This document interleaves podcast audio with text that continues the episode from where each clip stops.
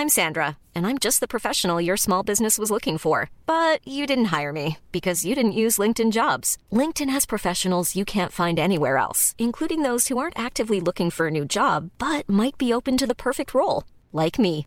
In a given month, over 70% of LinkedIn users don't visit other leading job sites. So if you're not looking on LinkedIn, you'll miss out on great candidates like Sandra. Start hiring professionals like a professional. Post your free job on linkedin.com/people today. Everyone knows therapy is great for solving problems, but getting therapy has its own problems too, like finding the right therapist, fitting into their schedule, and of course, the cost. Well, BetterHelp can solve those problems. It's totally online and built around your schedule. It's surprisingly affordable too. Connect with a credentialed therapist by phone, video, or online chat, all from the comfort of your home. Visit betterhelp.com to learn more and save 10% on your first month. That's BetterHelp H E L P. Burrow's furniture is built for the way you live. From ensuring easy assembly and disassembly to honoring highly requested new colors for their award-winning seating, they always have their customers in mind. Their modular seating is made out of durable materials to last and grow with you. And with Burrow, you always get fast, free shipping. Get up to 60% off during Burrow's Memorial Day sale at burrow.com slash ACAST. That's burrow.com slash ACAST. burrow.com slash ACAST.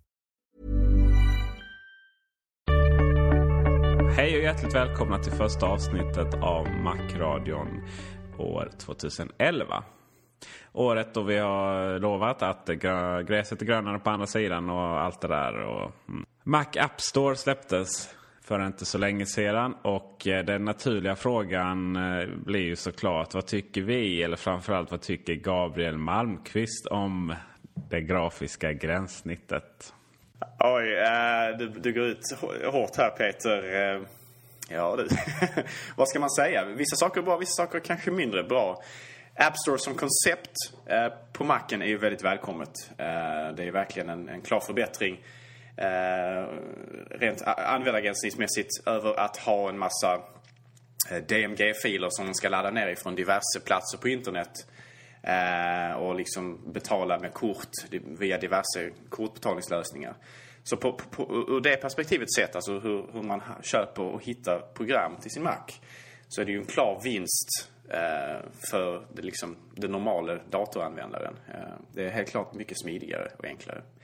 Eh, om man sen ser liksom mer till programmet specifikt, alltså programmets användargränssnitt som sådant, så kanske den lämnar en del i övrigt att önska. Speciellt då för eh, användargränssnittspuritaner som jag själv. Eh, vissa förändringar som kanske inte är lika välkomna.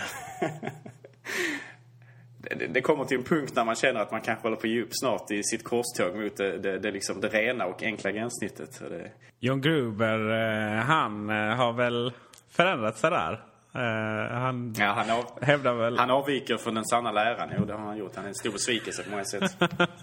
han har gett upp kampen alltså. Ja, han har nog gett upp kampen definitivt, eller han har omvärderat kampen, eller hur man nu vill säga det. Eh, den stora stötestenen egentligen är väl kanske hur de har använt, framförallt då naturligtvis de här trafiklyktorna, alltså knapparna för att stänga programmet, för att minimera programmet och så vidare. Eh, nu finns det ju ett, ett otal antal varianter utav hur dessa ser ut och, eh, inte nödvändigtvis hur de fungerar, men hur de ser ut på Macen vid det här laget, från Apple också. Eh, vi har de standard som sitter i på nästan alla fönster. Eh, där de sitter i höjd med namnet på fönstret. På en liten rad. De marscherar där. Och sen så har vi då naturligtvis iTunes lösning som, som ställer det hela på, på höjd istället. Som du gillar vet jag. Förädare. Och eh, sen har vi då mellantinget som vi nu har fått se i App Store. Där de helt enkelt har eh, behållit sin eh, horisontella orientering men har istället eh, intagit en mer central position i eh, den här översta delen av fönstret så att säga. Som har flyttats ner helt enkelt. Eh, centrerats kanske vi ska kalla det. Höjdmässigt precis i höjd med de andra knapparna i fönstret. Ser jättekonstigt ut eh, men eh, Mm, det gör det verkligen. Jag tycker inte alls det är snyggt. Rent generellt så tycker jag App Store känns... Eh, det känns inte som ett Apple-hantverk. Det känns som många av de programmen som nu har dykt upp på App Store som kanske har utvecklare som dyker upp från Windows och så vidare. Du har helt rätt. Alltså, exempelvis Bodega ser, om du frågar mig, bättre ut rent liksom, grafiskt och även tycker jag känns mer mackigt på något sätt. Det här programmet på många sätt känns väldigt experimentellt. Det enda som egentligen känns 100% Apple över det här programmet är ikonen, för den är rund och blå. Eh, och det har vi ju vant oss vid det här laget, att det har alla nya ikoner från Apple. Ja, och alla känns som att de flesta ikoner har det. Jag gjorde så att eh, jag skulle ta en skärmdump från när Twitter var ju svart först. Eh, den officiella klienten. Sen blir den blå helt plötsligt i andra uppdateringen. Så tog jag bort alla andra och skapade en snygg liten skärmdump. Och då såg det nästan löjligt ut blått allting är. Ja, verkligen. Eh, tyvärr en, också en olycklig utveckling om du frågar mig. Men, eh, ja, ja.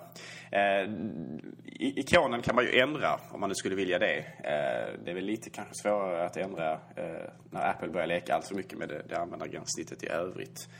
Man har plockat bort namnet på fönstret, eh, precis som man gjorde på iTunes.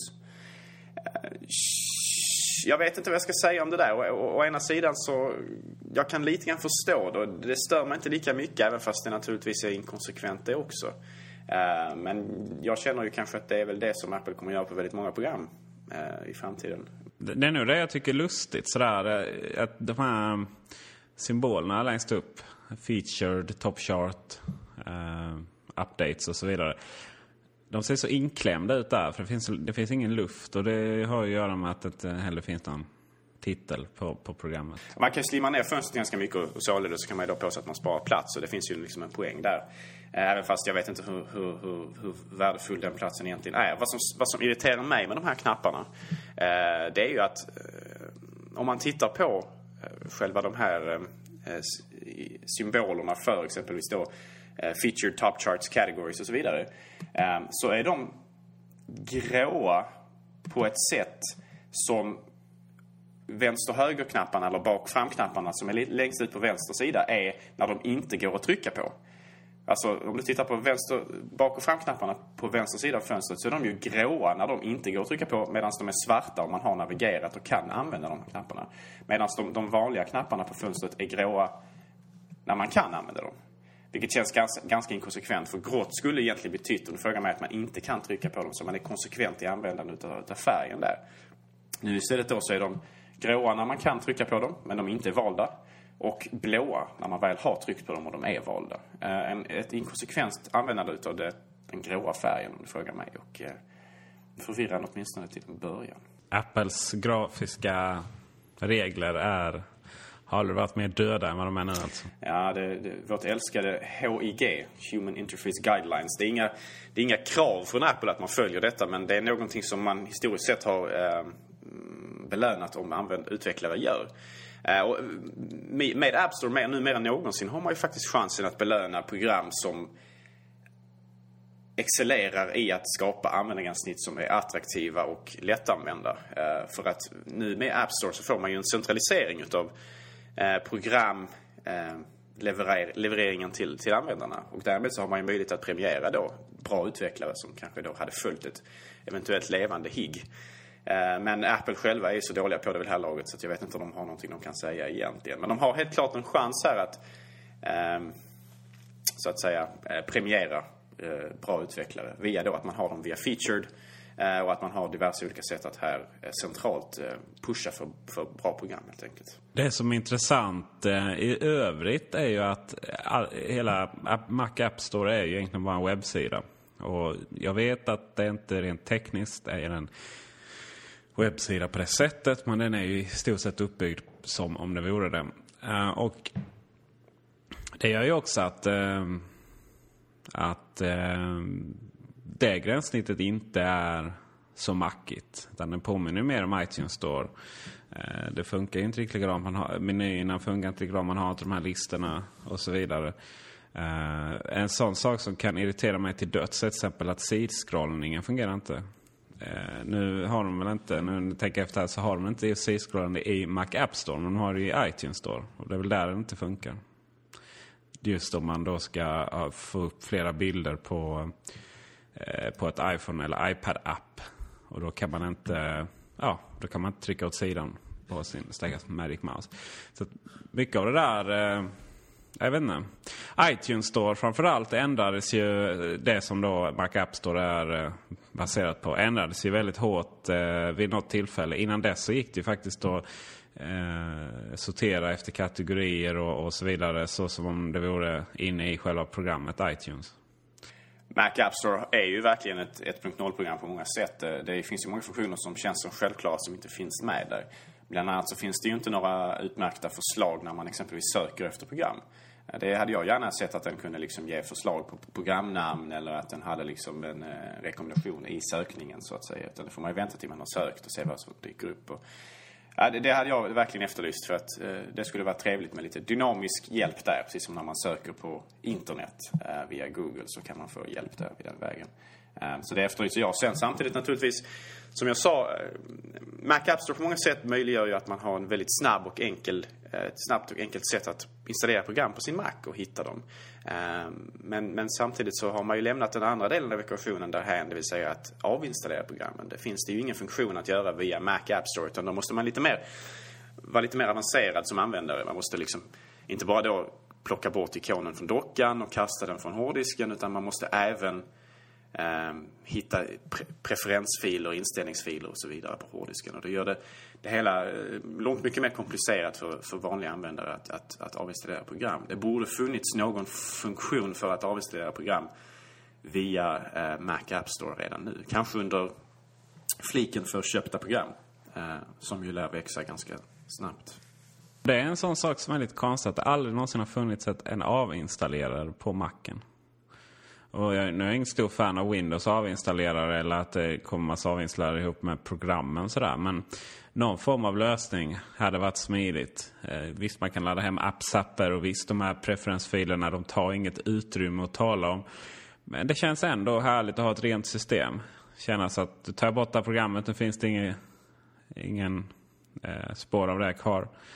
Eh, att kunna lita på det. Det är faktiskt ganska konstigt att det inte eh, att inte det finns faktiskt. Faktiskt. Det, det var ett mycket större problem på Windows. Eh, jag, jag, jag vill inte säga hur det är på Windows idag, men tidigare var det ju ett stort problem med att liksom, program lämnade skräp i uppstartsfiler och liknande som fick datorn att kanske slöa ner eh, sett över tid. Ehm, så att det, det, det, var väl ett, ett, ett, större behov av den sortens funktionalitet på Windows än det, det är på Macen. Men eh, visst hade det varit bra om detta fanns nu när man har en central möjlighet att sköta den sortens saker så borde det finnas program som möjliggör detta också. Eller rättare sagt, det borde finnas funktioner i Mac App Store som, som möjliggör det. Så är det ju, sen är det ju så att vissa tar ju lite mer typ iDVD-teman. Tar väl en par gigabyte som man hittar där. Whoops. finns en bra program som heter What Size och en massa kloner på det som kostar ingenting från till lite. Där kan så här sortera den efter storlek och så eh, kan vi spåra då. Oj, här plötsligt ligger 4 GB som jag överhuvudtaget inte använder. Som bara snor massa utrymme i Applications folder. Uh, I övrigt så funkar programmet så här att den, uh, har vi köpt ett program så uh, står det ju som installerat såklart. Det kan även hitta andra program som är installerade. Den gör det ju till exempel med Panix Transmit, den gör det med iLife-programmen och så vidare. Men även om den vet att den är installerad så går det inte att den kan inte uppdatera program som inte är köpta via Mac App Store fast det är samma program så att säga och som den känner igen att det finns installerade. Så det är fortfarande den inbyggda, inte programmet köpt via Mac App Store, då är det fortfarande den inbyggda uppdateringarna som gäller, inbyggda i programmet då ska sägas.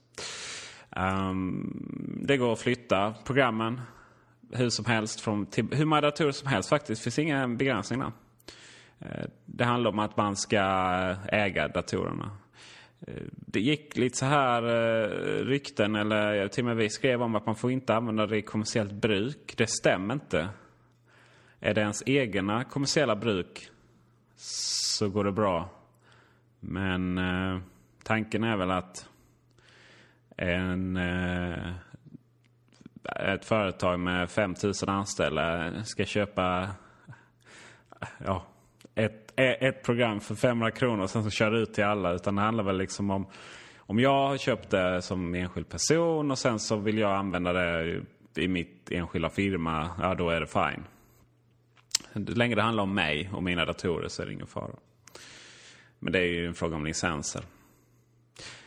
Eh, vidare så är det ju så att eh, man kan... Eh, dels kan du flytta filerna mellan datorerna och eh, det enda vi behöver göra är att skriva in vårt användarnamn till Mac App Store första gången som vi startar ett program på en ny dator som vi inte har gjort innan. Um, vidare så går det bara att gå in i Mac App Store och ta fliken uh, köpta program och bara ladda hem dem där igen. Vissa har ju haft, uh, jag hade hoppats att det skulle gå att implementera eller integrera eller vad nu man vill använda för ord redan köpta program in i Mac App Store. Pixelmate är ju ett sånt exempel till exempel. De eh, har ju sagt, eller har redan slutat, sälja PixelMater utanför Mac App Store.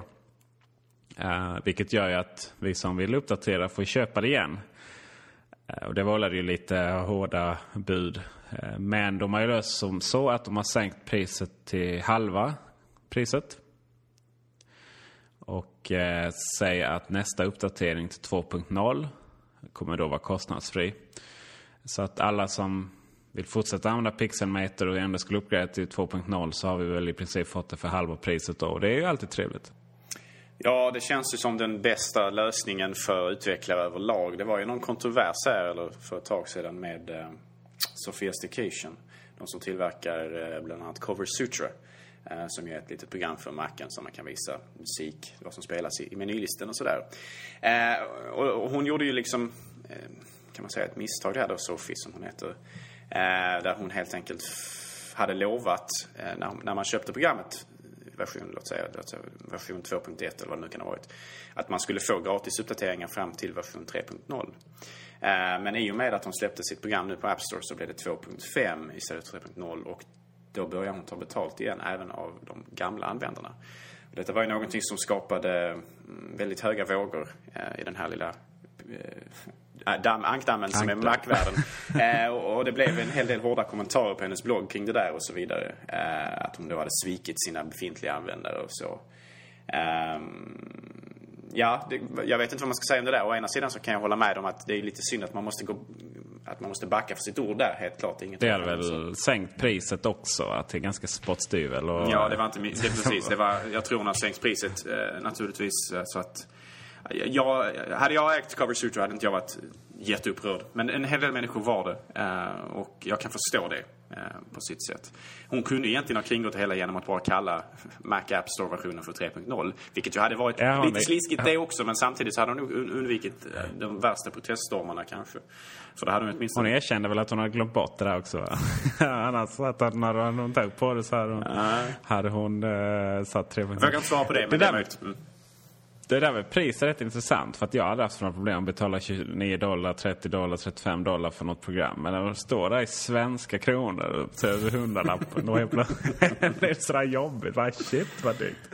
Det är, det är intressant mänsklig psykologi det där. Att 400 dollar, eh, eller förlåt 40 dollar är ju i princip ingen pengar alls. Men 300 kronor däremot, det är ju hur mycket pengar som helst. Det är ju för tusan eh, 20 öl på Möllan liksom. Ja, det skulle man ju kunna skriva en avhandling om det där. Ja, och har säkert gjorts också. Mm. Men eh, nu kommer den stora frågan. Är det här ett problem att utvecklarna gör sig beroende av Backup Store? Är det ett problem för dem? Är det ett problem för oss? Det finns för och nackdelar med allt naturligtvis. Fördelarna är uppenbara, liksom, att de får mycket mer exponering mot de, de, så att säga, de ovana kunderna, de ovana Mac-användarna som kanske inte hittade till Apples downloads eller Mac Update eller vad det nu kan ha varit för, för, för tjänster man använt sig av. Version Tracker och så vidare. Eh, nackdelarna är naturligtvis uppenbara också. Alltså det, det, man måste godkännas av Apple för att, ha, för att komma ut på marknaden.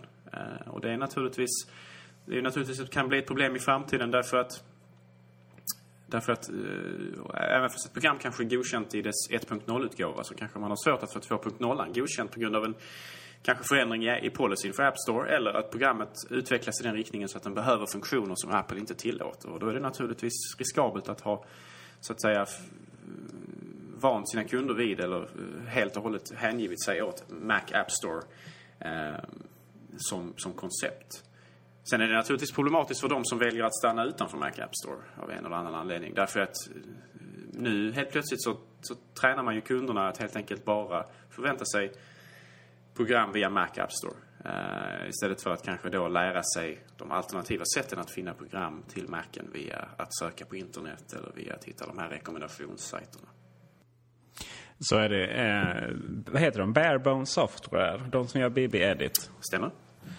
De eh, gör ju fyra versioner då. Det vill säga en Text Wrangler-version för Mac App Store och en för deras webbsida och likadant med BB-edit.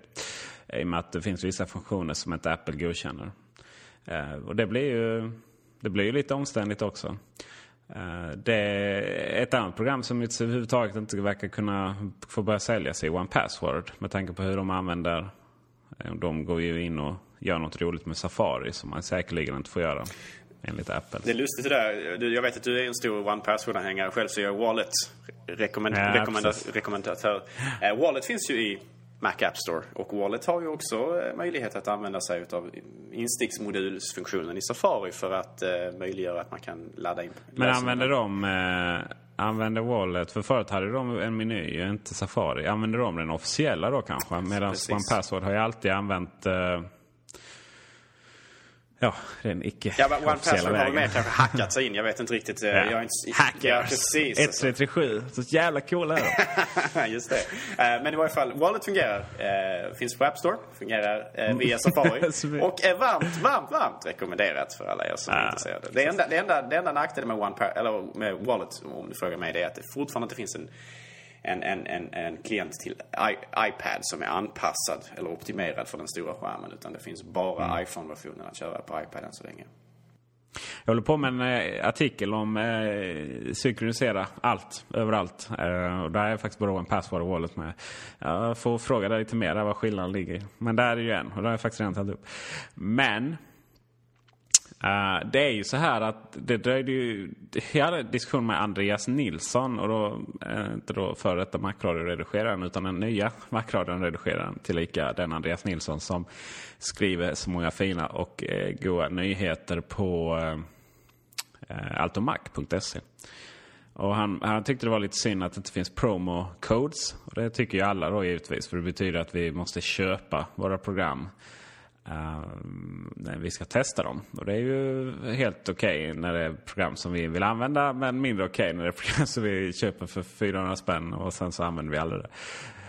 Uh, och det gör ju inget menar jag för att ja, det finns ju bara att kan ladda hem testversioner och kan ju få eh, serial, serialnummer uh, eh, via vanliga vägen. Men uh, nej, alltså det där är ju nästan ett minne blott. Man tänker knappt ens tanken på att de där programmen kanske finns utanför Mac App Store också. Det är en sån sak som att det finns ju inga som, några som helst demoversioner i Mac App Store, vilket jag tycker är ganska synd. Eh, det hade ju varit så enkelt att ha ett centraliserat system för det där. Att program, man bara laddar hem programmen, de funkar som vanligt och sen i 10 dagar eller 30 dagar eller vad man nu vill använda dem. Och sen så kommer det upp att du måste köpa dem.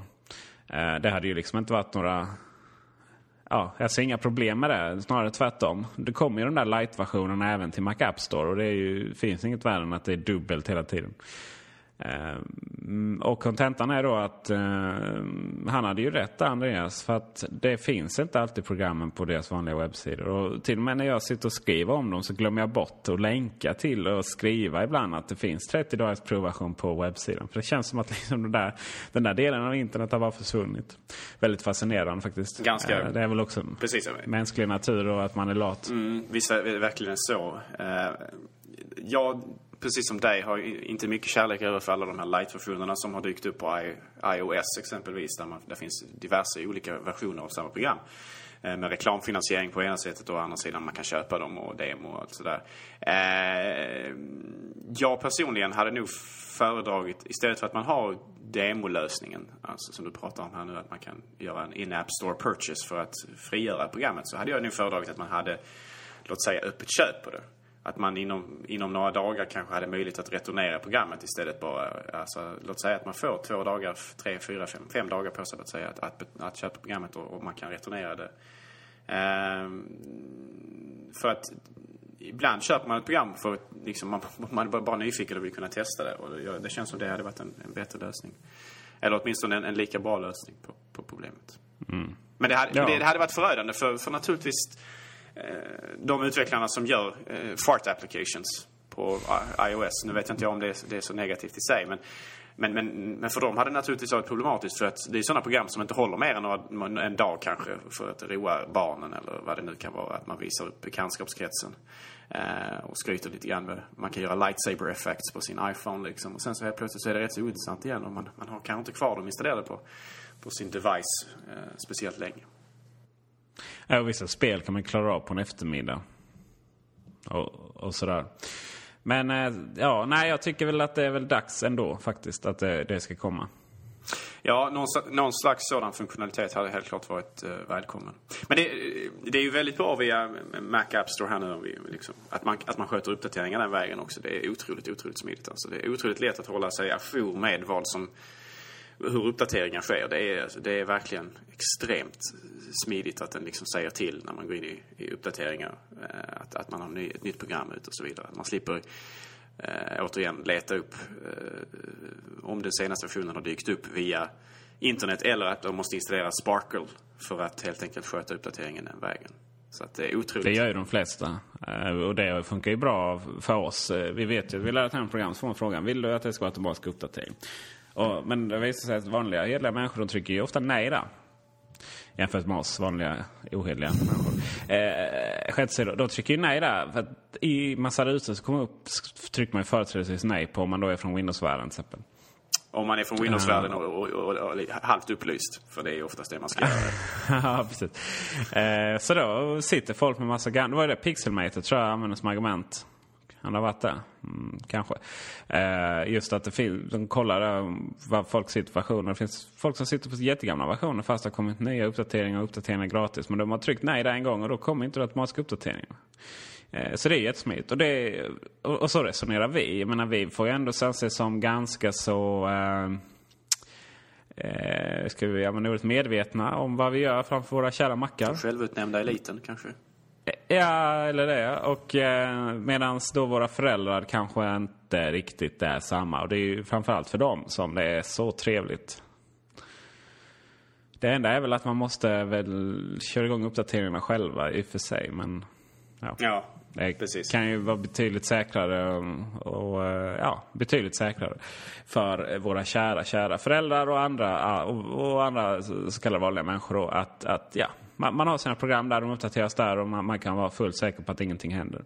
För eh, det är ju i, i takt med att eh, plattformen växer så eh, ja, det kommer ju med otrevligheter. I alla fall framförallt fler rykten då än kanske praktiska otrevligheter. Mm, precis.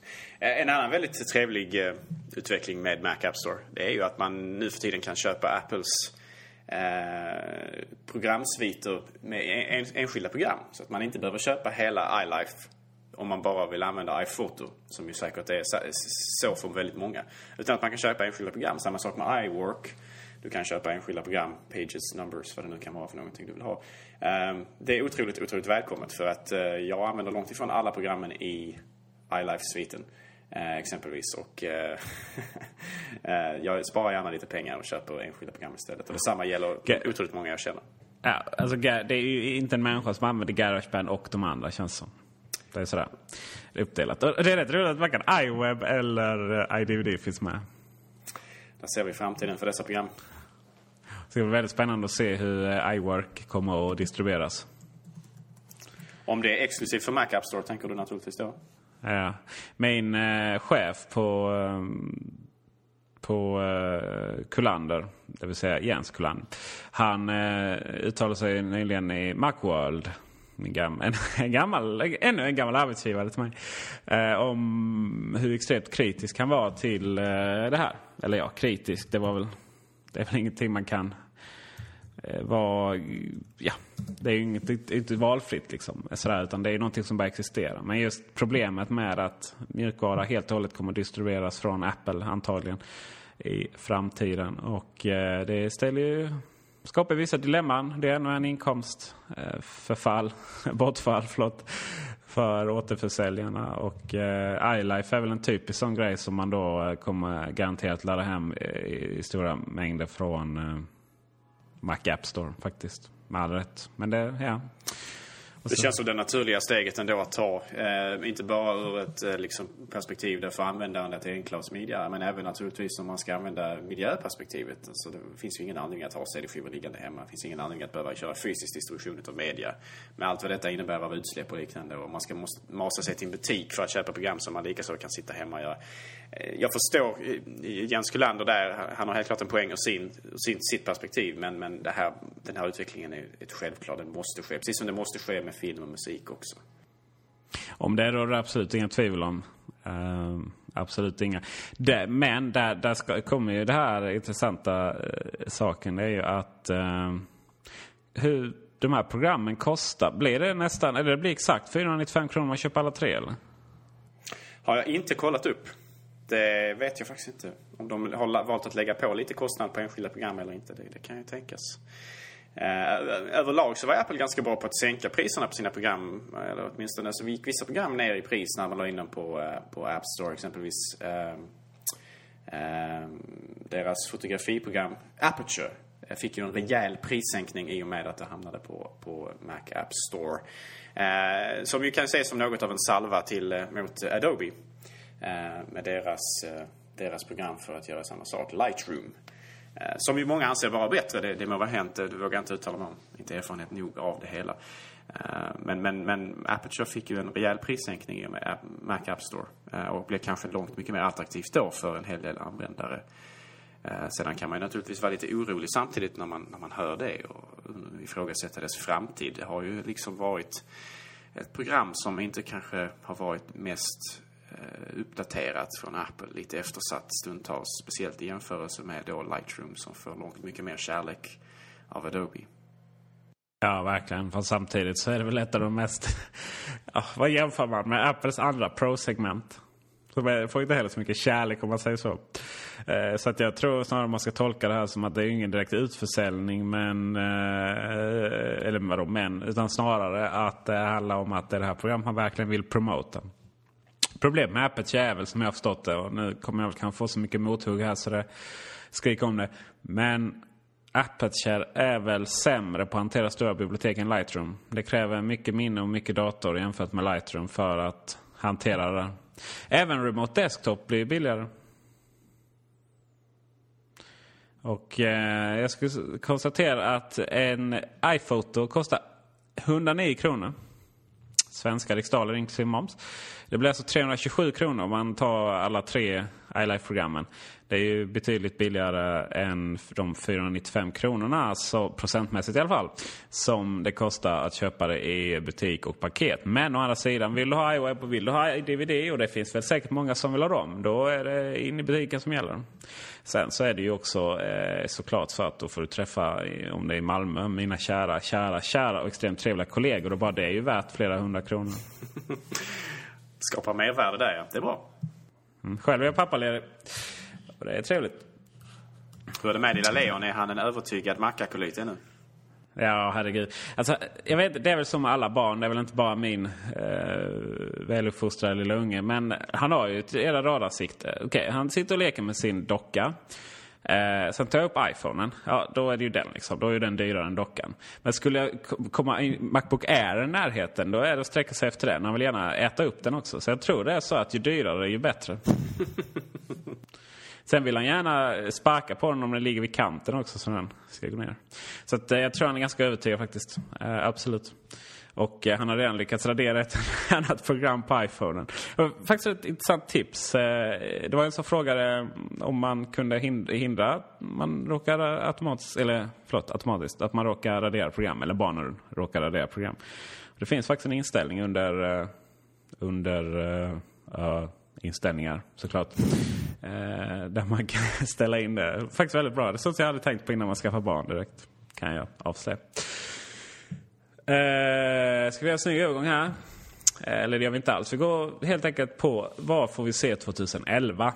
Och eh, vi har väl haft, haft någon genomgång innan men eh, men det är väl egentligen eh, fyra saker som är självklara. Eller ja, det finns fler självklara saker än så. Men, men det som är mest aktuellt och som det pratas mest om är ju såklart eh, nya Macbook Pro. De börjar bli lite gamla nu. Eh, du har en gamling va? Är det Core 2 Duo i din? Precis, det stämmer. 2008 års modell vill jag minnas. Eh, sent 2008. Eh, en fortfarande väldigt snabb och eh, kompetent maskin. Men eh, samtidigt så vill man ju alltid ha det senaste. Så jag är ju lite halvintresserad av att se vad Apple har att erbjuda oss den här gången. Speciellt då naturligtvis om de, som vi pratat om tidigare, kanske gör eh, superdriven obsolit. Om man plockar bort den helt enkelt. Det hade ju varit välkommet i mina mm. ögon. Frågan är om det händer nu, eh, den versionen. Jag tror inte det. Vi får se, vi får se. Det är inte säkert men det är samtidigt inte eh, självklart att det inte blir heller. Eh, och sen är det naturligtvis övergången till SSD eller flashminnen som kanske borde fullföljas här nu med Pro-segmentet. Mm. Eh, kanske. Ja, det håller jag verkligen med om. Eh, det är också så att Intels nya i3 och i5 och i7 de är ju vrålsnabba de som kallas Sandy Bridge. Um, om de är redo, det är de inte riktigt ännu va? Men när de kommer, de ska vara dubbelt så snabba nuvarande generation. Och då pratar man ju om de i7 eh, och i5 som Apple använder. Men det finns ju det där är ju en rena rama djungel. Det är inte så att det finns ju i7-processorer som är långsammare än i3 och så vidare och så vidare i den här världen. Men vi pratar alltså Pro-segmentet, det som Apple använder. Och de ska ju vara vrålsnabba. Riktigt jävla vrålsnabba. Så helt plötsligt så är din Core 2 Duo Ja, vi kanske inte ska prata så mycket om det. Men eh, framförallt så är det ju så att Macbook Pro 13 tum som ju visserligen säljer som om det inte fanns någon morgondag. De börjar ju bli väldigt gamla med sina KTU-processorer. Ja, och framförallt med sin skärm jämfört med då naturligtvis Macbook Air. Det är ju egentligen den stora eh, ska säga, nackdelen tycker jag då personligen. Eh, det är inte vikten, det är liksom inte batteritiden, det är inte prestandan utan det är skärmen. Det är, det är där det hänger på. Att den har inte den, den här lite högre upplösningen som Macbook Air erbjuder. Vilket den naturligtvis den nya Macbook Pro 13 tum kommer att få. Uh, så det, naturligtvis. Naturligtvis, det är självklart. Och uh, det är varmt välkommet när detta nu sker. Och det gör ju helt plötsligt 13-tumsmodellen intressant för mig också. Beroende lite grann på vad de stoppar i den i övrigt naturligtvis. Uh, vilken processor den får, vilket, vilket grafikkort den får. För det är lite frågetecken där kring detta naturligtvis. Ja, även där ska ju inte processorer bli lite snabbare. Sen har de blivit kompisar med Nvidia också nu igen. Ja, alltså de har, ju, de har ju slutat stämma varandra åtminstone. Det är väl så närmare vänskap vi kommer där. Sen så ryktas det väl lite grann om att de ska ha någon slags eh, licensmöjligheter. Att de helt enkelt att det eventuellt kan integreras Nvidia-kretsar i processorn i framtiden som en integrerad eh, GPU. Men jag vet inte riktigt om det där hur, hur sant det där är. Vad vi vet nu i alla fall med Sandy Bridge-lösningen, alltså Sandy Bridge är ju namnet på hela, hela kretsen, kretsarna.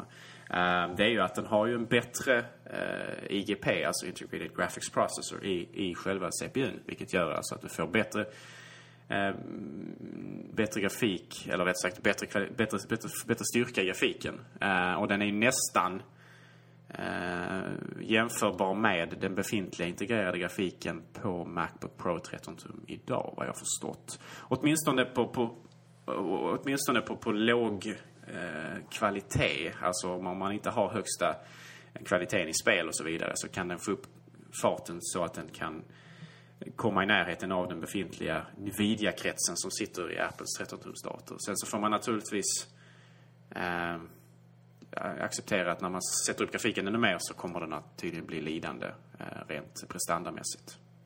Nu är det ju så här att när vi pratar om kvalitet på grafik så handlar det alltså om direktrenderade saker, 3D-effekter och annat. World of Warcraft, Starcraft. Vi pratar alltså inte om möjligheten att spela DVD-skivor på, på macken. Eller vi pratar inte om Photoshop heller för den delen.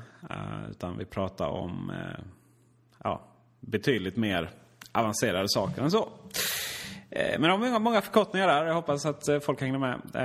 Eh, kontentan är väl att det kommer bli snabbare, bättre och eventuellt billigare också. För det brukar det bli vid de uppdateringarna.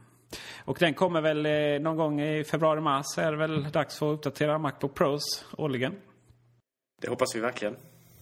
Ja. iPhone 5 är ju inte... Kom i listan här, men det känns ju helt fel i ordningen. iPad 2 får det bli då. Och eh, en sån kommer det ju. Och eh, det har ju gått rykte om, ja nu i januari och det är februari och det är mars. Och, men eh, det finns väl ingen anledning att tro att det inte är april med tanke på att det var då de kom förra året. Och det finns ingen anledning att tro att de inte kommer till hela, i princip hela världen samtidigt. Det kommer inte riktigt att bli samma, mm, jag tror inte det kommer bli riktigt samma skjuts. För dem. För att det kommer nog inte vara riktigt lika naturligt att uppdatera om man redan har en iPad. Jag tror däremot att den nya iPad kommer att vara otroligt, otroligt mycket bättre eh, kontra den som du och jag har. Eh, vi har pratat om tidigare med integrerad kamera och så vidare. Men nu eh, börjar det även liksom sippra ut mer konkreta rykten om att den faktiskt får en pixeldubblerad skärm. Vilket ju är en otroligt trevlig uppgradering för just en läsplatta. Det är väl en av de stora problemen med den befintliga iPad-hårdvaran är att skärmen är tämligen lågupplöst. Eh, åtminstone när dess huvudsakliga syfte, åtminstone för mig, är att visa och rendera text. Gärna då text kanske som görs liten för att få plats med mer och då är ju liksom högre upplösning helt klart att föredra för att skärpan på texten ska bibehållas. Sen innebär det naturligtvis att om man kör en betydligt högre upplöst skärm på iPad så måste man per definition uppgradera de interna delarna i iPad ganska rejält. Processorn, GPUn, internminnet kommer alltså att få en rejäl skjuts framåt om man väljer att göra pixeldubblering utav skärmytan. Alltså att man gör fyra gånger så många eh, Eh, fyra, fyra, gånger så många pixlar blir det väl. Eh, för att göra den eh, dubbelt, så, dubbelt så, så stor. Precis. Och det, är ju, det pratas mycket om retina. Det är, det är så här, eller retina kanske man säger på det utrikiska. Eh, och det är ju så här, det häftiga ordet. Det är lite som 64-bitars. Alla använder det men ingen riktigt vet vad det betyder. Och i det fallet så är det, nej det är inte liksom en eh, per definition en eh, sådan skärm. Eh, samtidigt så spelar det inte så stor roll för att eh, det handlar ju om om man kan se pixlarna på viss ögonavstånd. Och iPaden sitter man inte så nära som man gör på iPhone. Så det i princip kommer det bli samma effekt. Eh, Medan nuvarande iPaden är ju fantastisk skärm. Den är jättesnygg och så vidare. Så att det där är nog bara en semantik. Den kommer bli eh, dubbelt så många pixlar. Eh, eller dubbelt, ja fyra gånger så dubbelt pixlar eller hur det nu var. Men den kommer bli mycket större. Där, men, men, men så för... Dubbelt så stor upplösning blir det i alla fall. Ja, precis. Dubbelt så hög upplösning säger man eh, Och en A5-processor ska väl vara, och den ska ju vara riktigt superduper enligt eh, de så kallade internetryktena. Eh, SD-kort rakt i den är väl, är väl eh, tämligen säkert. Eh, frågan är hur man gör med alla stackare som inte har SD-kort. Ja, och sen så har det ryktats om USB, men det är inte långt ifrån garanterat att det dyker upp en USB-port ja, Senast nu var det ju nej. Och ja. det, det är typ Apple liksom. Man vill inte ha... Nej, ja, alltså ville... Eh, USB-portar känns ju jävligt... Uh, det känns... Data. Vad sa du? Ja, det känns jävligt data. Ja, det känns, det känns data helt enkelt. Nej, men det känns, det känns inte som, som, som iPad på det sättet. Det känns som iPad-konkurrenter. Uh, Galaxy Tab-nivå uh, på det hela. Eh, Apple gör... Eh, det är inte Apples eh, modus operandi att liksom inkludera alla möjliga kontakter och standarder och så vidare. Utan man köper det som fungerar för dem och jag tror inte att USB känns som självklart. Jag är lite förvånad att den får SD-kortläsare standard också om nu det, detta händer faktiskt. Men ja, jag tänker inte utesluta det. Ja, det är rätt fascinerande just man just SD-korten har valt. Det är inte så konstigt med tanke på att det är väl det som är med i det mesta av våra kameror. Men samtidigt väljer man det och bara det. Och har man inte det så Tough fuck you. Har man Mac ja. så är det samma sak där om inte man har en, en USB-dongel eller sån här USB-tillbehör som kan möjliggöra fler. Men även där så har du SD-kortläsare. Så det är något som Apple har standardiserat på mer eller mindre. Frågan är naturligtvis eh, hur de gör med 3G-trafiken, eller rättare sagt datatrafiken mobilt. Eh, om det bara kommer att vara... Eh, om man kommer att göra en, en, en, en uppdelning i, i produktsegmentet även denna gången där man har en wifi enbart modell eller man har att alla modeller får 3G-funktionalitet från början. Eh, jag skulle inte förvåna mig om, om wifi-konceptet, men enbart wifi-konceptet försvinner i och med version 2. Ja, det vet i tusan. Det tror jag inte. Alltså, man har ju sett, eh, som jag har förstått eh, Se här vad man får säga och inte säga. Men som jag har förstått så har wifi-modellen sålts väldigt bra på sina ställen och 3G-modellen sålts väldigt bra på sina ställen. Eh, så man kommer väl kolla lite hur marknaden är. Men jag tror inte man kommer ha sex modeller på det sättet. Utan att det kanske kommer en lite mindre utan, utan 3G och sen så de stora kommer ha 3G. Ja precis. Nej, för det, vem köper wifi enbart 64 gig liksom? Det, ja. Den är ju extremt svårsåld. Det måste den ju rimligtvis vara. Alltså man kan ju få en schysst 3G-modell. Det vet vi ingenting om nämligen. Nej, nej, nej det är ytterst spekulativt. Men det, det är vad jag skulle gissa. Ja, eh, vad tänker jag nu på? Jo, eh, Sen, sen är det det här liksom, ja, kommer med CDMA-chippet också då? Precis. Kom, jävla många modeller. Fast eh, det är också en av ryktena att man kommer använda ett Och det är egentligen helt jävla ointressant. För bara vi får våra 3G-versioner liksom. Sen vad det sitter för chip i. Men i alla fall att det är ett som har både 3G via GSM och CDMA, heter CDMA. För den amerikanska och kinesiska marknaden. Och så är det väl några fransmän inblandade också. Det är alltid fransmän inblandade. Fy fasen. Eh, och eh, det är iPad 2. En sak som jag, bara en liten parentes innan jag går in på iPhone. det här det är spännande hur man rapporterar saker och ting. Så här, ja, eh, läsplattan blev inte årets julklapp. Det är väl klart att läsplattan inte blev årets julklapp. Herregud, det var väl inte en människa som sålde någon läsplatta. Vad företag var sålde, det var iPad. Och det var bara, såldes bara hos Mediamarkt, Elgiganten, Onoff och Apples Premium Resellers. Eh, och där såldes de något så frenetiskt bra kan jag avslöja.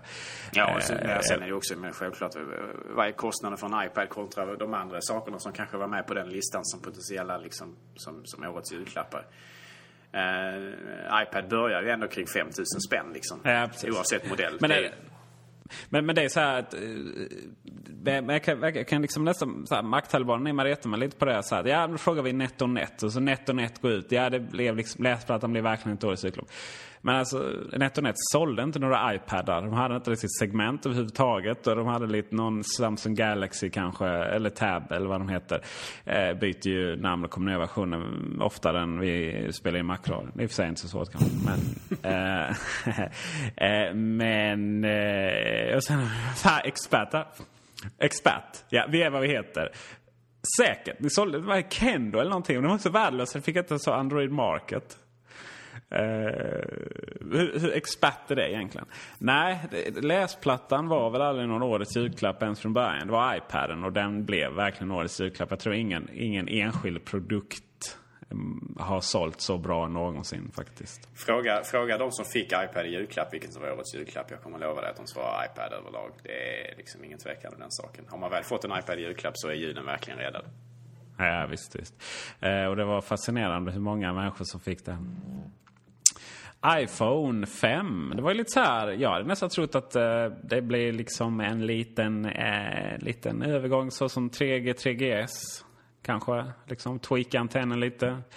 Eh, fixa eh, lite ännu bättre kamera. Jag menar modellen är ju, det är ju den vackraste telefon som någonsin har tillverkats. Hur ska man slå det återigen? Det fixar de nog. Det senaste beskedet nu ifrån eh, det här världsomspännande globala nätverket internet med stort i. Att um, iPhone 5 kommer bli helt ny, ny design helt och hållet. Och uh, den kommer att uh, innehålla A5-processorn. Det vill säga den kommer bli ännu snabbare. Och den kommer att uh, även då använda det här eh, chippet för CDMA och 3G, eh, 3G eh, förlåt, GSM i samma. Vilket gör att det bara finns en modell och den kommer att säljas som smör och kommer till ännu mer operatörer. Så alla som bryr sig om eh, Android-kampen kommer att eh, eh bli glada. Eh, för övrigt en helt ganska ointressant eh, jämförelse. Det, det slår faktiskt att varje jävla månad kommer en Nu Android större än uh, iPhone i USA. Jag bara, men vad hände? Var inte det för ett år sedan? eh, precis. Eh, de har ju redan gjort lite smärre korrigeringar på eh, antennen via den här eh, CDMA-telefonen i iPhone 4 i USA som är nu släppt. Eh, de här skårorna som vi har pratat om tidigare har ju flyttats och arrangerats om lite grann så att de är mer symmetriskt satta på telefonen nu. Eh, och tydligen så, mm, nu har jag, nu har jag inte jätteinsatt i läget, men tydligen så har de väl lyckats komma åt de här problemen lite grann med att man, man kan liksom eh, störa antennen med att hålla telefonen fel, dödsgreppet och så vidare. Det var jag bara precis läst kort om, om den här nya. Jag, har du hört någonting om det mer Peter? Nej, jag fortfarande inte. I och med att inte vanliga människor kunnat testa den så är det väl inte liksom... Är det, har man flyttat den för att tänddesignen kräver annorlunda för att det är annan typ av... Ja, för att det är CDMA eller har man gjort det för att man fattade eller att det behövdes. Jag tror att det handlar lite om att faktiskt den en CDMA-telefon snarare. Eh, faktiskt för att, ja, varför inte börja, börja med den andra designen även på de andra telefonerna? Sådär. Och eh, när, när de ändå då designar om dem. Mm, nej, det, det, det designa om sitt eget fodral. Det får vi reda på sen när de börjar liksom levereras till kunder. Hur, hur de, om de har lyckats fixa det eller inte. vi får hålla tummarna att de har lyckats komma åt det för att annars lär det kanske bli ytterligare en uppblåsning utav den här utav den här kontroversen kring just dödsgreppet och, och Antennagate. Ja, verkligen. Jag har inte hört så mycket om det sådär, det, det har inte varit så mycket snack om det sen. Förutom eh, vissa som har Telenor har jag märkt. De har väldiga problem med mottagningen. Det, det är alltid så liksom. Ja, jag har iPhone och bara koppla ner och säga, har du Telenor? Ja, visste du det? någonting där alltså. där har vi problemet där alltså. Mm. Jag är rätt fortfarande fascinerad över hur bra den funkar här i vår lägenhet som ju är en eh, bunker från 30-talet. Skulle klara ett par atombomber garanterat. Till salu, bara 2,2 miljoner. Gärna 2,3, 2,4 om du är givmild. Uh, men har inte Telia som abonnemang, ab abonnemang eh, vad heter det, leverantör. För att jävlar vilken dålig mottagning det är. Uh, iPhone 3GS gick inte ens att prata med. Men däremot iPhone 4 är det, är det helt okej. Okay. Det är bara längst in här i vardagsrummet som det är kört. Annars så har den faktiskt mottagning där andra telefoner går bet. Och det är ju ett bra bevis på att eh, den faktiskt har bättre mottagning än vad eh, de andra hade. Även andra telefoner. Vilket är intressant för att och, och, eh, jag, jag, har, jag har en, en, bekant som, som kontaktade sin leverantör utav... Nu, nu kommer jag inte ihåg om det var tre eller om det var Telenor han hade ringt. Men han hade ringt och pratat med dem om att han skulle byta mobiltelefon och han frågade, han var intresserad av en iPhone och då hade han fått rekommendationen utav personen i, i telefonen att köp absolut inte iPhone 4 om du har problem med mottagningen eh, där du bor. Därför att den har sämre mottagning än vilken, vilken Android-mobil som helst i princip. Så att eh, även fast du och jag är upplysta om detta och även våra lyssnare då, eh, att den här har överlag bättre mottagning, iPhone 4, så är det väldigt många människor där ute, inklusive de som har som jobb att sälja dem, att, som inte vet om att iPhone 4 faktiskt har en på många sätt bättre antenn. Just så. Eller så, ja, eller så kan man inte tjäna tillräckligt mycket pengar på att sälja iPhone. Det kan vara så också. Det kan vara något konspiratoriskt där i bakgrunden. Ja, jag tror det. Man är ju, har lite foliehattar på sig. Nej, skämt åsido. Eh, det är väl så att eh, iPhone har ju fortfarande varit brist på dem leverera. Många butiker har inte... Jag vet inte vad han, din bekant, gick eller ringde. Men, han ringde. det har varit problem. Han, han ringde, okej. Okay. Men det har ju varit problem att butikerna inte har på lager fortfarande. Så är det alltså brist på iPhones. Helt stört. Eh, I Sverige då, beställer man från Apple Store UK eller någonting, då är det inga problem. Eh, så att det är ju en sak att man kanske inte vill sälja telefoner som man inte har i lager. För det tjänar man inga pengar på. Medan Android-telefoner har inga problem. En annan lite lustig sak med det här med eh, CDMA-telefonen är tydligen det att de har fått flytta lite grann på vissa saker i den här omdesignen. Så att exempelvis den här eh, knapparna för att höja och sänka volymen och eh, köra ljudlöst har flyttats lite, lite grann eh, på själva telefonen. Och det har, innebär det att exempelvis Apples såna här eh, eye-bumpers, eller bumpers, Apples bumpers-fodral inte riktigt passar på den här nya luren. därför att de har väldigt snäva hål som är specifikt gjorda för att de ska passa den iPhone 4 som vi så att säga har i vårt land. Uh, och det är ju lite, det blir lite lustigt, nästan lite pinsamt över det hela. Att uh, de måste släppa någon ny version av Bumpers. Uh, som antingen passar bara CDMA-telefonen eller som passar bägge med kanske större, större urgröpningar. Det är ju annars det som är så Apple, att vi slipper ja, tänka ja, ja, på sånt där. Precis, det, det är, sådana saker ska ju egentligen inte vara ett problem med just Apple för de ska ha tänkt på sånt tidigare. Mm. men ja, inte så den här gången tyvärr. Det som var stor grej med CDMA-telefonen var ju att den hade, eh, då de här demoenheterna, hade möjlighet att dela ut internet via wifi jämfört med att man måste koppla in den via en USB-kabel eller blåtand. Vilket betyder att den går att använda till exempel för iPaden. Eh, en populär anledning att jailbreaka sin, sin iPhone till exempel för att få tillgång till det. Eh, och det var ju stora frågan, skulle vi alla få det, eh, vi gamla iPhone-användare? Och det var väl ganska logiskt och självklart att så är fallet. För att det finns inga specifika iPhone-mjukvara. Verizon var väldigt specifikt där man fick inte, eller eh, vad heter han, Schiller, eh, eh, Phil Schiller heter han eh, var väldigt klar med att det finns inte så här. De, Verizon är ju annars ett operatör som är väldigt stor i USA och gärna liksom bestämmer och styr och ställer och eh, installerar sina egna mjukvaror och sådär. Det är också därför Android är så populärt. För det kan man göra som inte går liksom att ta bort. slut på Android-bashning för denna gången. Uh, och då var det ju ganska självklart att det även skulle komma till våra telefoner. Uh, och sen så eh, dagen efter så släpptes ju iOS 4.3-betan med detta i sig. Och det är ju lite nice. Det var ju väldigt många, en del journalister i USA som menade på att eh, Apple kommer aldrig att kunna hålla sin ståndpunkt där vad gäller just eh, att man inte släpper på tredjepartsprogram standard på telefonen från exempelvis leverantören och att man inte eh, att Apple har som, som, som, som, princip att man inte tillåter leverantören att sätta sin logotyp på utsidan av telefonen och så vidare. Att, att de har extern branding så att säga. Eh, men det lyckades ju Apple naturligtvis eh, komma ifrån genom att de helt enkelt stod på sig där. Eh, ingen Verizon förinstallerat, inga Verizon-logotyper någonstans på telefonen som sådan. Eh, visar väl kanske på att Verizon behövde iPhone mer än iPhone behövde Verizon, Verizon egentligen. Eh, och att eh, det, det, är Apple som sitter i förarsätet i den relationen nu, vilket ju är varmt välkommet. Tack vare att man har sin, tack vare att man har sin lilla, sin lilla pudel AT&T i USA redan som man annars kan, kan vifta med. Så att, man, det, var, det, var ju, det var ju en av de stora grejerna med iPhone just att man lyckades få de här väldigt ska man säga, generösa avtalen med AT&T från början. Det hade man säkerligen inte fått igenom med Verizon om iPhone 1, den första iPhone, skulle börjat på deras nätverk istället. Eh, då hade man säkerligen fått mycket, mycket svårare att få igenom sina krav på en, en, en operatörs, eh, vad ska man säga, obesudlad telefon. Absolut.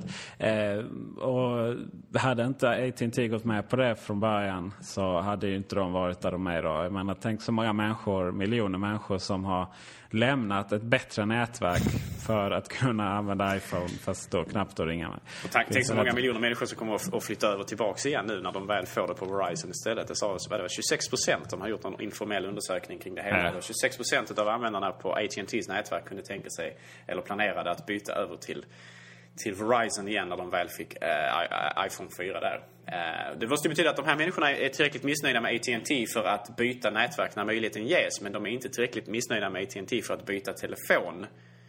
För att uppenbarligen så stannar de på AT&T trots, trots AT&T tack vare iPhone 4. Eh, men så fort de fick möjlighet att lämna med iPhone 4 så har man uppenbart valt att göra det. Så de, de som älskar iPhone, de älskar iPhone. Precis. Och sen är det lite så att vad händer när då en eh, tusentals, hundratusentals skaffar iPhone i Verizons nät och börjar använda datatrafik som bara den? Eh, nu går det inte att prata samtidigt som man surfar i och för sig deras nät så det är ganska, blir lite lättare då. Men Eh, det är ju så, kanske inte har ITT så stora problem egentligen då i jämförelse. Utan det är bara att iPhone är en sån fantastisk telefon som folk använder väldigt mycket mer än andra. Det borde ju rimligtvis vara så att de personerna som bor i de absolut mest utsatta områdena. Det har skrivits en del om eh, San Francisco, kanske New York och så vidare. Där man har väldigt stor belastning på, eh, på, på nätverket. Där man har väldigt svårt att få upp nya mastar som kan möjliggöra bättre anslutningar. Så kommer naturligtvis fler folk att fly till Verizon. Och därmed så kommer det naturligtvis att eh, avbelasta AT&T's nätverk rejält. Så det kommer säkerligen att innebära att de som väl stannar kvar med AT&T kommer säkerligen att se en betydligt bättre prestanda på sitt nätverk därför att det finns färre som delar på liksom, de befintliga resurserna. Så att det, det kommer säkert att ske rätt så dynamiskt där att har man, har man inte upplevt det som ett problem för att man kanske inte bor inom de här problemzonerna, ja då, då, då, då stannar man kvar och, och då liksom de som väl bor i hotspots, alltså problemzoner, då, då, de kommer naturligtvis att i större utsträckning lämna Verizon. Eller lämna, förlåt, AT&T för Verizon.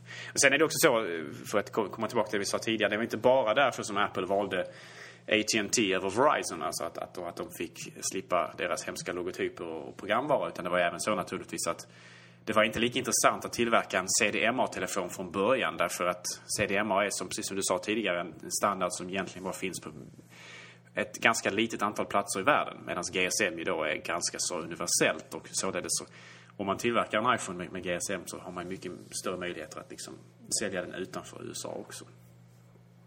Just så.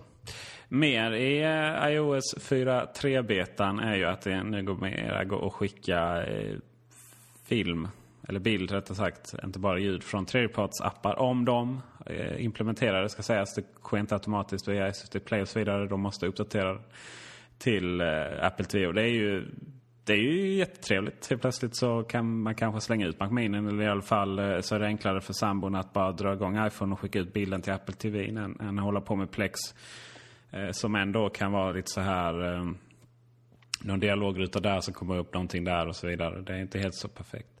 Eh, vidare, eh, multitouch gestures. Uh, vilket ju har helt plötsligt börjat sätta igång ryktena om att eh, uh, Steve Jobs aldrig velat ha någon hemknapp och den ska bort nu på iPad 2 och iPhone 5. Ja, precis. Ett rykte som jag ger inte så mycket trovärdighet.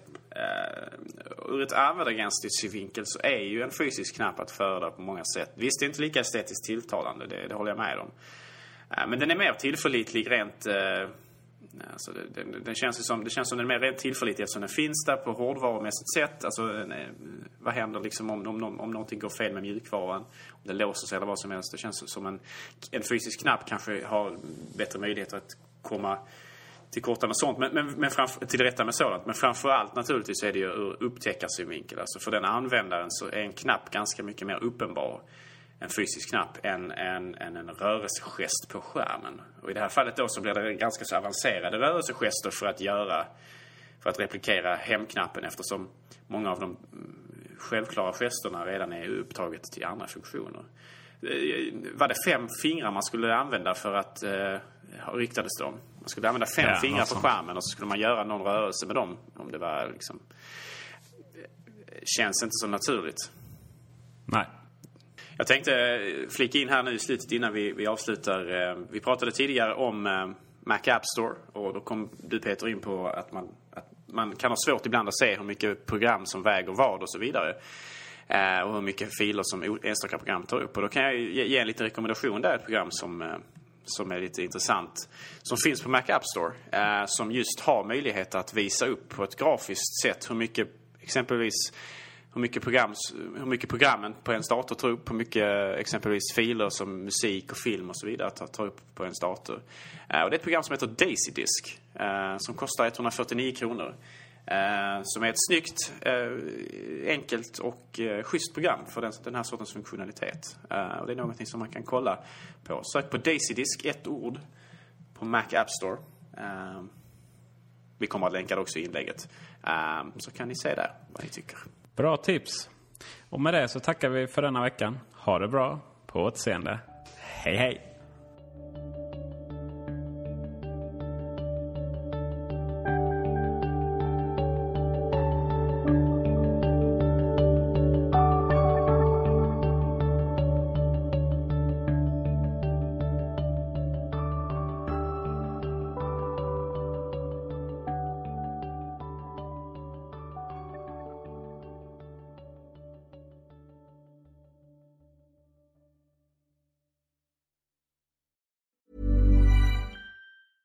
Hi, I'm Daniel, founder of Pretty Litter. Did you know cats tend to hide symptoms of sickness and pain? I learned this the hard way after losing my cat, Gingy. So I created Pretty Litter, a health monitoring litter that helps detect early signs of illness by changing colors, saving you money and potentially your cat's life. Pretty Litter is veterinarian developed, and it's the easiest way to keep tabs on your fur baby's health right at home. Go to prettylitter.com and use code ACAST for 20% off your first order and a free cat toy. Terms and conditions apply. See site for details.